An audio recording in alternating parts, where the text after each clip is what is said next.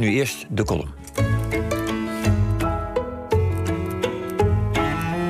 De column van John Jansen van Galen. Kalenderjournalistiek, kent u die uitdrukking? Betekent dat iets een rond aantal jaren geleden plaatsvond en daarom nu aanleiding is voor de media om er uitbundig bij stil te staan, ook als daar verder geen enkele aanleiding toe is. Bovendien willen media nooit bij elkaar achterblijven, zodat de eerste terugblikken al ruim voor de bewuste datum verschijnen.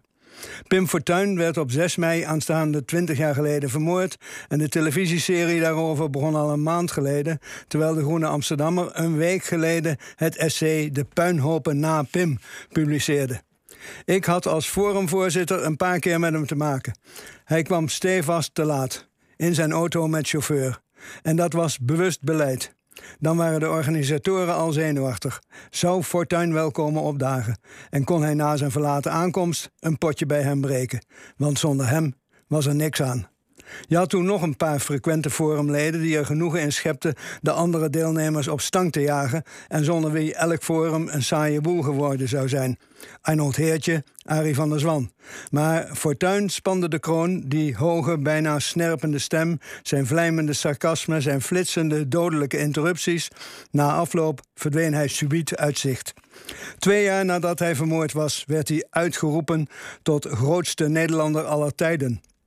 De campagne voor die uitverkiezing was geleid door een redacteur van het linkse weekblad Vrij Nederland, wat bewijst hoezeer Fortuyn een nationale figuur was geworden. Nog steeds wordt over hem gesproken met een mengeling van ontzag, verering, vertedering, geamuseerdheid. En ja, mij fascineerde hij ook, een rare quibus, een hofnar die spijkers op koppen sloeg. Wat was nou zijn erfenis? Dat een hedendaagse Nederlandse minister-president immigranten zou toevoegen, rot toch op, was zonder fortuin ondenkbaar geweest.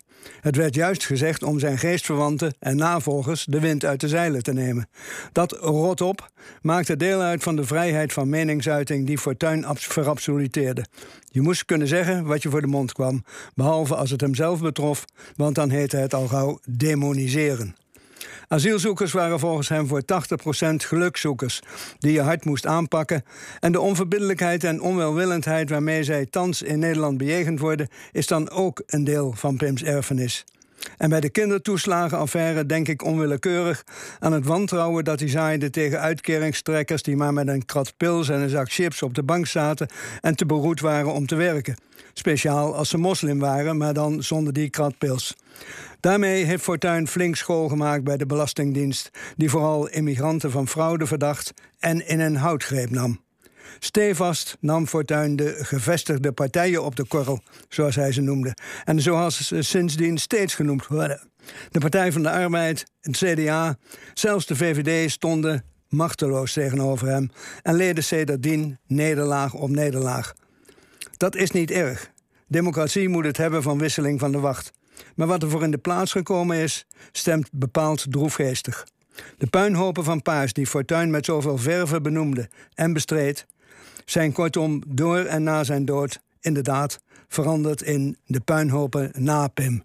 Ja, uh, John Jansen van Galen, dankjewel. Ik meen me overigens te herinneren dat er toen een of andere circusactie opgevoerd is... bij de verkiezing van de grootste Nederlander... om er toch nog Willem van Oranje te laten worden. Ja, er is, er is gezegd dat er te laat uh, stemmen waren binnengekomen... en dat die niet mochten meetellen. Eigenlijk heeft... Eigenlijk, als het eerlijk was gegaan, had Willem van Oranje gewonnen. Ja, ik meen er was toen zo'n drive dat dat waarschijnlijk ook weer als een ja, belediging van Fortuyn zou worden opgevat. Nou, we moeten het opzoeken. We moeten dus, het opzoeken. Ja, dat is een min of meer een